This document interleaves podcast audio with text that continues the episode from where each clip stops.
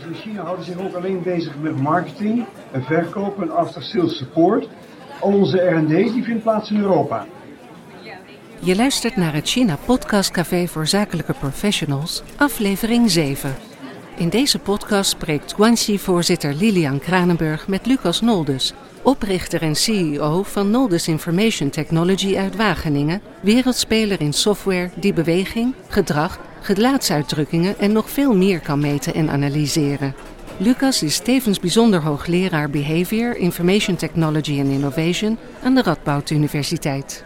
Ook spreekt Lilian met Take Manning, Innovatieraad Nederlandse ambassade in Beijing, die onder andere Nederland als innovatieland in China promoot en allerhande missies en bijeenkomsten organiseert om mensen met elkaar in contact te brengen. Welkom Lucas en Take. Take, als ik met jou mag beginnen. Uh, je werkt al ruim vijf jaar op de Nederlandse ambassade in Beijing en zit als spin in het innoverende web van technologiebedrijven en staat aan de wieg van nieuwe ontwikkelingen die kunstmatige intelligentie benutten. Dankzij het plan Made in China 2025 weten we dat China een grote nadruk legt op innovatie. Kan je iets vertellen over de Nederlandse innoverende bedrijven die actief zijn in China en wat voor soort Nederlandse bedrijven staan vooraan in de rij om hun kennis in deze markt te toetsen en te delen? En in welke sectoren blinken vooral Chinezen uit in deze innovatie drive? Ja, ten eerste dankjewel voor de uitnodiging om uh, hier te spreken. Ik zal mijn best doen om je vragen te beantwoorden uiteraard. Um, er zijn heel veel bedrijven met activiteiten in China, variërend van verkoop tot productie. In hoofdlijnen, en dan bedoel ik het echt op hoofdlijnen, uh, zijn er drie redenen om hier actief te zijn, denk ik. Bedrijven die hier produceren voor de lokale markt. Uh, in tweede instantie bedrijven die gebruik maken van de betrekkelijke lage loonkosten, waar we ook nog een aparte podcast aan zouden kunnen besteden. Uh, de logistiek en de waardeketens om te produceren voor de wereldmarkt. En in derde instantie bedrijven die gebruik maken van Chinese kennis om hier nieuwe producten en diensten te ontwikkelen. En het draait uit het ene het ander zeker niet uit. Je, je kunt hier als bedrijf zitten met meerdere doelen. Maar wat het wel aangeeft is dat het dus een heel breed spectrum is. Uh, van kassenbouwers tot uh, high-tech equipment producenten. En van bedrijven die hier dobbelstenen sourcen die je aan de achteruitkijkspiegel kunt hangen tot aan chipontwerpers. En in al deze sectoren en nog veel meer zijn wel bedrijven te vinden die hier R&D activiteiten hebben. En met een eigen vestiging, zoals bijvoorbeeld Philips, of wat meer op afstand via bijvoorbeeld samenwerkingen tussen Nederlandse en Chinese kennisinstellingen. Om daar nog iets over te zeggen, alle Nederlandse universiteiten hebben samenwerkingsverbanden met Chinese kennisinstellingen. Veel op het gebied van innovatie. Het heeft nagenoeg evenveel investeringen op het gebied van innovatie als de hele EU bij elkaar. Voor euro is het nagenoeg hetzelfde. Zit je zo rond de 500 miljard dollar. En die uitgaven groeien ook nog eens een keer met 10% per jaar in een economie die tot voor kort althans ook nog eens een keer hard groeide. In percentage van BNP is China inmiddels zelfs groter dan de EU, met een, uh, met een R&D percentage van 2,14%. En anders dan in Nederland, anders dan de VS en wellicht anders dan je zou denken, wordt het overgrote deel van, van de R&D door bedrijven gedaan. In de orde grootte van 80%. Dit betekent dat de nadruk heel sterk ligt aan de D-kant. En dan vooral aan de B2C-kant. De Chinezen staan doorgaans heel open voor nieuwe technologie. En hebben een hele grote hang naar gemak.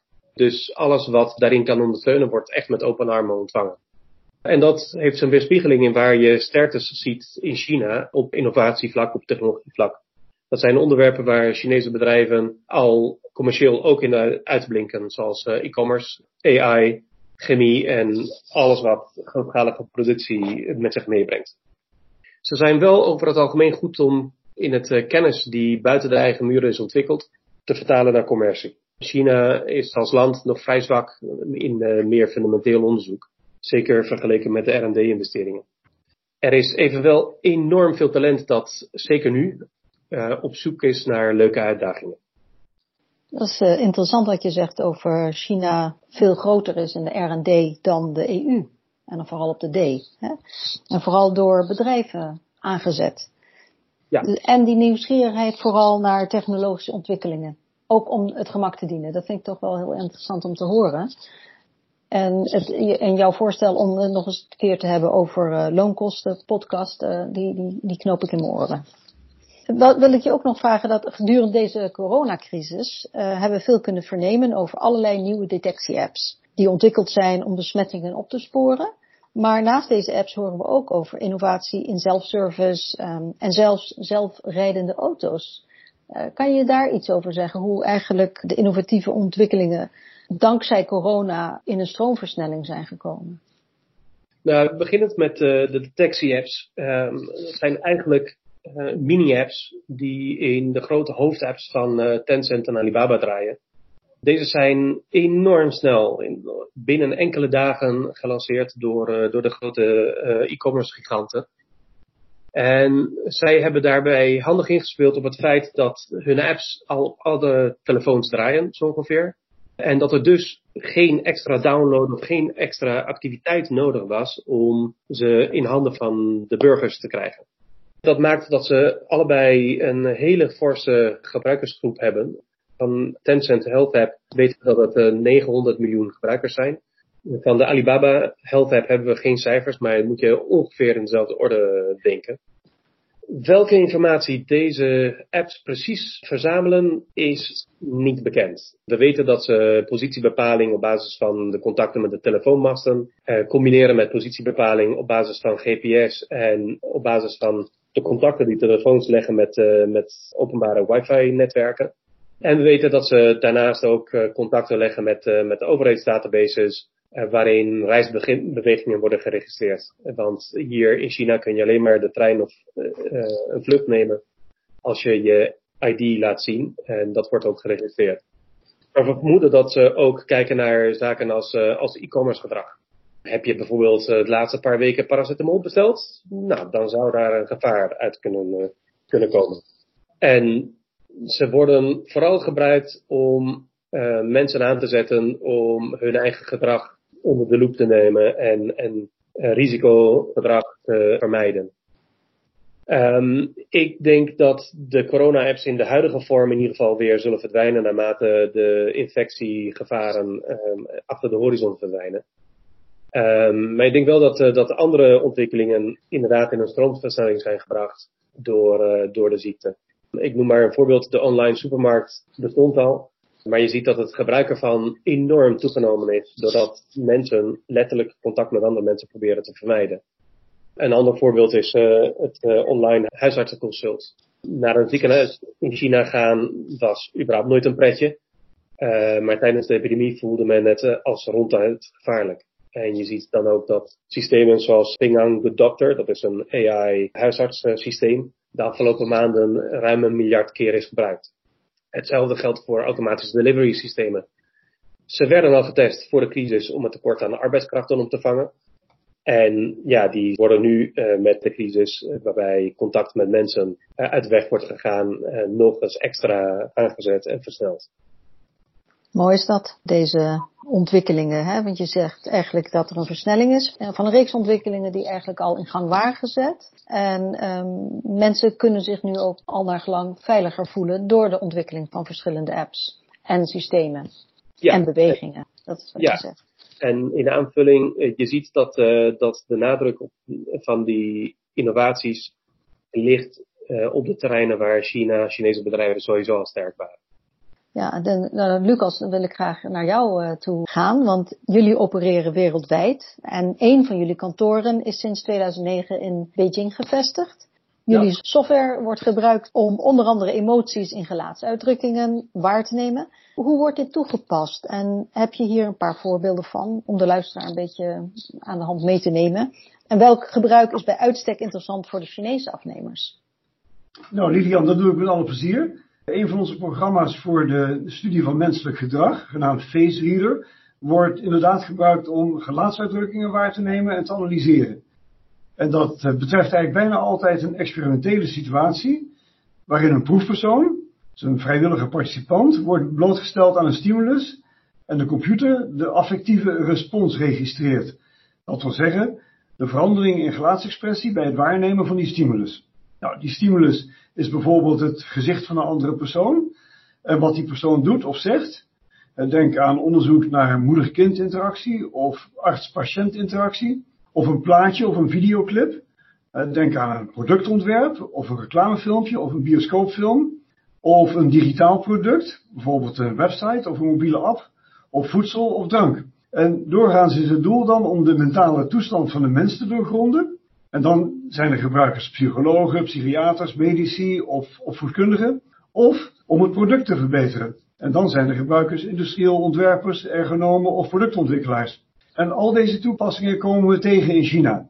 En je vraagt van welke is bij uitstek interessant voor Chinese afnemers. Nou, als ik er één zou moeten noemen, dan is dat onderzoek naar de emotionele effecten van cosmetica bij vrouwelijke consumenten. Misschien kunnen we daar ook nog eens een keer een podcast aan wijden. Lijkt mij wel interessant. Ja, dan moet je wel beeld bij uh, toevoegen, dan ziet het er nog leuker uit. Ja, dan kunnen we kijken of we dat voor elkaar krijgen. Ja. In de media en politiek wordt steeds vaker melding gemaakt van de toenemende spanning op het gebied van handel en kennisuitwisseling tussen China enerzijds en Nederland en Europa anderzijds. Jouw bedrijf, uh, Lucas, heeft zelf ook last gehad van negatieve publiciteit hier in de Nederlandse pers. Met name over de verkoop van een softwarepakket aan een overheidsinstituut in Beijing. Dit heeft ertoe geleid dat jullie nu een nieuwe sales policy hebben, waarin is vastgelegd wat het bedrijf aan wie verkoopt en onder welke voorwaarden. Kan je toelichten wat er eigenlijk gebeurd is? Uh, ja, dat zal ik doen. Het, uh, de, de, tweede helft van uh, 2019 was een, een spannende, innoverende, maar ook heel erg leerzame periode. In juli 2019 verscheen er een artikel in een online krant, De Correspondent, waarin een verband werd gelegd tussen onze face software, massasurveillance en onderdrukking van de Oeigoeren in de provincie Xinjiang. Nou, daar schrokken wij natuurlijk van, want onze software kan dat helemaal niet, is daar niet toe in staat en ook niet op gericht. En dat zou ook helemaal in strijd zijn met onze missie als onderneming. Wij maken namelijk tools voor het meten van gedrag, gezondheid en welzijn, met als doel om bij te dragen aan duurzame ontwikkeling en kwaliteit van leven, aan een betere wereld dus. De suggestieve beweringen van die journalist van de correspondent zijn later notabene klakkeloos overgenomen door gerenommeerde media zoals de, de Volkskrant, Nu.nl en het Financiële Dagblad. En er werden zelfs kamervragen gesteld waarin mijn bedrijf werd neergezet als een exporteur van surveillance software en ondersteuning van repressief beleid jegens minderheden in China. Nou, dat was gewoon te gek voor woorden. Daarop konden wij niet zwijgen en uh, ben ik met uh, de betreffende auteurs en met de Kamerleden die die vraag hadden gesteld in contact gekomen. Althans heb ik het contact gezocht en met de meeste heb ik het ook gekregen. Om hen uit te leggen hoe onze software werkt. Zodat we het publieke debat kunnen voeren op basis van feiten in plaats van fictie. De Face Reader, dat is een programma gebaseerd op AI-algoritmes, is helemaal niet geschikt voor surveillance of identificatie van burgers, om allerlei redenen. Uh, zo zitten wij niet in de gezichtsherkenning. Reader herkent geen mensen, het herkent alleen gelaatsexpressies. Zo'n programma weet dus niet wie er voor de camera staat. En het is ook heel specifiek ontworpen voor laboratoriumstudies met één proefpersoon in een onderzoeksomgeving. Het is dus technisch helemaal niet mogelijk om dit programma in te zetten voor massale surveillance in de publieke ruimte. Of stratus. Nou, die publicitaire commotie heeft ons wel aan het denken gezet en ons gestimuleerd om proactiever te communiceren over waar onze software voor gebruikt wordt en ook waar het niet voor gebruikt kan of mag worden. En dat heeft geleid tot een ethische paragraaf op onze website en een verkoopbeleid waarin we hebben vastgelegd onder welke voorwaarden wij artificial intelligence software die biometrische informatie verzamelt en verwerkt, en daar horen gelaatsexpressies ook toe, verkopen aan instanties op het gebied van defensie en openbare veiligheid. En een procedure voor onze verkopers, waarin is vastgelegd hoe ze dit beleid in de praktijk moeten uitvoeren. Nou, die procedure omvat onder meer een end-use statement, een verklaring over de toepassing die de klant moet verstrekken en die door onze directie moet worden goedgekeurd voordat wij overgaan tot het uitbrengen van een offerte en de feitelijke levering. Dat beleid hebben we opgesteld in overleg met experts op het gebied van communicatie en ethiek met het ministerie van Buitenlandse Zaken Den Haag en met onze ambassade in Beijing. Taken is daar zelf ook bij betrokken geweest als reviewer. Dat heeft heel goed gewerkt. Later in het najaar van 2019 heb ik de kans gekregen om mijn uh, eigen verhaal te doen in interviews in het FD en de Gelderlanden. En sindsdien is het gelukkig weer rustig op dit front. Nou, dat is dus een hele vervelende situatie voor jullie geweest en had potentieel ook nog eens schadelijk kunnen zijn. Maar jullie hebben je verkoopbeleid er goed op kunnen aanpassen en zelfs kunnen versterken. Uh, het heeft dus ook iets opgeleverd. Dat is wel fijn om te horen. Absoluut, absoluut, ja. Ik hoop wel dat er excuses gemaakt zijn. Nee, er zijn geen. Ja, ja, ja. De, de Tweede Kamerlid van GroenLinks en de auteur van het Financieel Dagblad. Die hebben allebei hun excuses gemaakt. Oh, dat is fijn om te horen. Dat is goed om te horen. Een persoonlijk bericht. Mooi. Dat, dat was prima. Taken. Uh, het huidige klimaat is sterk gepolitiseerd geraakt. Dat, je, je, je, hebt het ook net eigenlijk kunnen horen aan, aan wat Lucas allemaal vertelt en zijn ervaring. Wat zijn de consequenties van de nieuwe richtlijnen vanuit zowel Den Haag als Brussel voor het Nederlandse en Europese bedrijfsleven? Ja, um, het, uh, het, is uh, geen geheim. Samenwerking met China, in welke vorm dan ook, staat de afgelopen paar jaar heel prominent op de politieke agenda. Um, er is een besef ontstaan dat China een eigen agenda heeft. Het wil economisch en technologisch zo min mogelijk afhankelijk zijn van het buitenland. We weten dat China actief de eigen kampioenen promoot. Uh, op eigenlijke en helaas vaak ook op oneigenlijke wijze. En buitenlandse partijen in de eigen markt beperkingen oplegt. Een agressieve industriepolitiek voert dus. Het heeft andere waarden dan, uh, dan Europa. Ehm, de Chinese regering spreekt bijvoorbeeld vrij openlijk over het streven naar civiel-militaire fusie. Waarbij de private sector dus uh, de verantwoordelijkheid heeft om bij te dragen aan defensie. Uh, universiteiten hebben als uh, staatsorganisatie daarin zo mogelijk een nog grotere rol. de media hebben leveranciers van westerse bedrijven getraceerd die helaas gebruik maken van gedwongen arbeid van minderheden. En de Europese Commissie heeft China zelfs als systeemrivaal bestempeld. En de retoriek uit de VS, die overigens eigen industriepolitieke belangen heeft, wakkeren de vlammen extra aan. In dat licht kun je verwachten dat bedrijven die zaken doen met China eh, onder een vergrootglas komen te liggen. Desondanks is China nog steeds een interessante markt, waar het mogelijk is om met bona fide counterparts te werken en uh, waar je als bedrijf, Nederlands bedrijf, bovendien goed kunt verdienen. Ik denk dat, net als Lucas heeft gedaan, het belangrijker is geworden en nog belangrijker zal worden om je te verdiepen in je counterpart. Wie is het? Waar komen zijn spullen vandaan? Waar gaan de spullen die jij hem verkoopt naartoe? En ook uh, welk belang heeft de Chinese overheid bij dit bedrijf, of meer in algemeen bij deze sector? Je zou kunnen zeggen dat het kortom nog belangrijker is geworden om kritisch te zijn. Ja, dan wil ik graag aan jullie beiden nog vragen. Um, bedrijven moeten nu voortaan laveren tussen het beschermen van de eigen kennis en het afzetten van hun high-tech producten in China. Uh, welke stappen kunnen ondernemers zelf zetten om bij te dragen aan een gezonde interactie tussen Nederland en China? Misschien Lucas, begin ik bij jou? Ja, de, in onze business is uh, kennisbescherming betrekkelijk eenvoudig. Wij leveren alleen de softwareapplicatie en niet de broncode aan onze klanten. En sluiten dus daarbij voorbaat uh, het kopiëren van de, de IP mee uit. Onze medewerkers in China houden zich ook alleen bezig met marketing en verkoop en after sales support. Al onze R&D die vindt plaats in Europa. En dit geldt zowel voor onze software als de hardwareproducten. Dus ook het ontwerp van elektronische schakelingen. Ten aanzien van de toepassingen van onze producten uh, adviseer ik ondernemers om de discussie daarover met de media vooral niet uit de weg te gaan, maar actief deel te nemen aan het publieke debat. En indien dat zoals bij ons resulteert in een goed doordacht beleid en een verantwoorde werkwijze, dan kom je daar gewoon sterker uit. Heb jij daar uh, iets aan toe te voegen, denk ik, Taken? Uh, ja, ik zou willen zeggen dat het beschermen van de eigen kennis altijd belangrijk is geweest uh, in, in alle sectoren. En ik denk niet dat dat wezenlijk veranderd is. Uh, in zekere zin wordt het op dit moment in China steeds makkelijker om je kennis te beschermen. En in de meeste gevallen, in de meeste sectoren, zijn geen joint ventures meer verplicht. En in China zelf wordt IP beter beschermd dan ooit. En je kunt zeggen dat, dat de wetgeving redelijk op orde is. Het lijkt vrij sterk op de IP-wetgeving die we in Europa hebben. Kennis over IP hier groeit ook. En er zijn zelfs uh, gespecialiseerde rechtbanken. En die rechtbanken hebben laten zien ook uh, vrij objectief te zijn in hun oordeel. Ja, er zijn nog steeds uitdagingen. Uh, de sancties op het schenden van IP-recht zijn te laag. Het afdwingen van, uh, van de oordelen van de rechters laten nog te wensen over. En nog belangrijker wat mij betreft is dat de objectiviteit van die rechters uiteindelijk hoe vaak het ook goed gaat, altijd een open vraag blijft. Aangezien de rechterlijke macht hier uh, ten dienste staat van de communistische partij. En met andere woorden, de rechtbanken zijn objectief, zolang het de belangen van, uh, van de communistische partij uh, niet raakt. En op een ander vlak, wat mij regelmatig verbaast als ik Nederlandse bedrijven hier in China spreek, is het gebrek aan interne kennisbescherming bij de bedrijven zelf. Ik heb helaas een aantal keren gezien dat, um, of gehoord dat ondernemers vertellen dat medewerkers met het blauwdrukken van de technologie het pand hebben verlaten.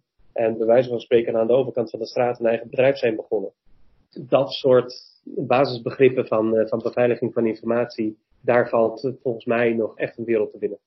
Dat is natuurlijk een heel goed punt, want dat is natuurlijk niet een goede manier om welk land dan ook in te gaan. En dan is China zeker niet een uitzondering. Dus goed beschermen van je eigen kennis is altijd belangrijk, ongeacht waar je onderneemt. Maar het is ook belangrijk om het gesprek aan te gaan, mocht er een keer een mening zijn over wat je in China doet, dat je ook het debat aangaat, zoals Lucas gedaan heeft. Ik zou jullie heel graag nog langer aan het woord laten, maar ik moet het hierbij laten.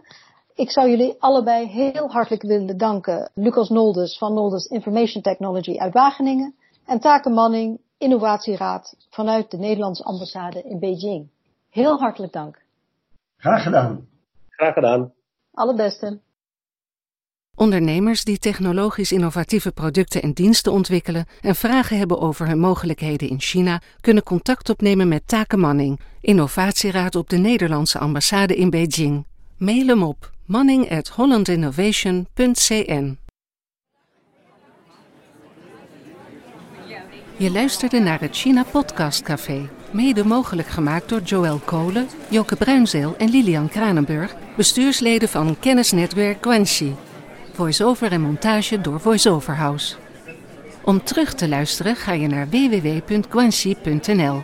Guanxi spel je G-U-A-N-X-I. Aan alle bezoekers en trouwe volgers van Guanxi zeggen wij: zodra dat kan, zien we jullie graag terug op onze reguliere China-cafés. Tot die tijd doen we het even zo en wensen we iedereen een blijvende goede gezondheid toe. Proost!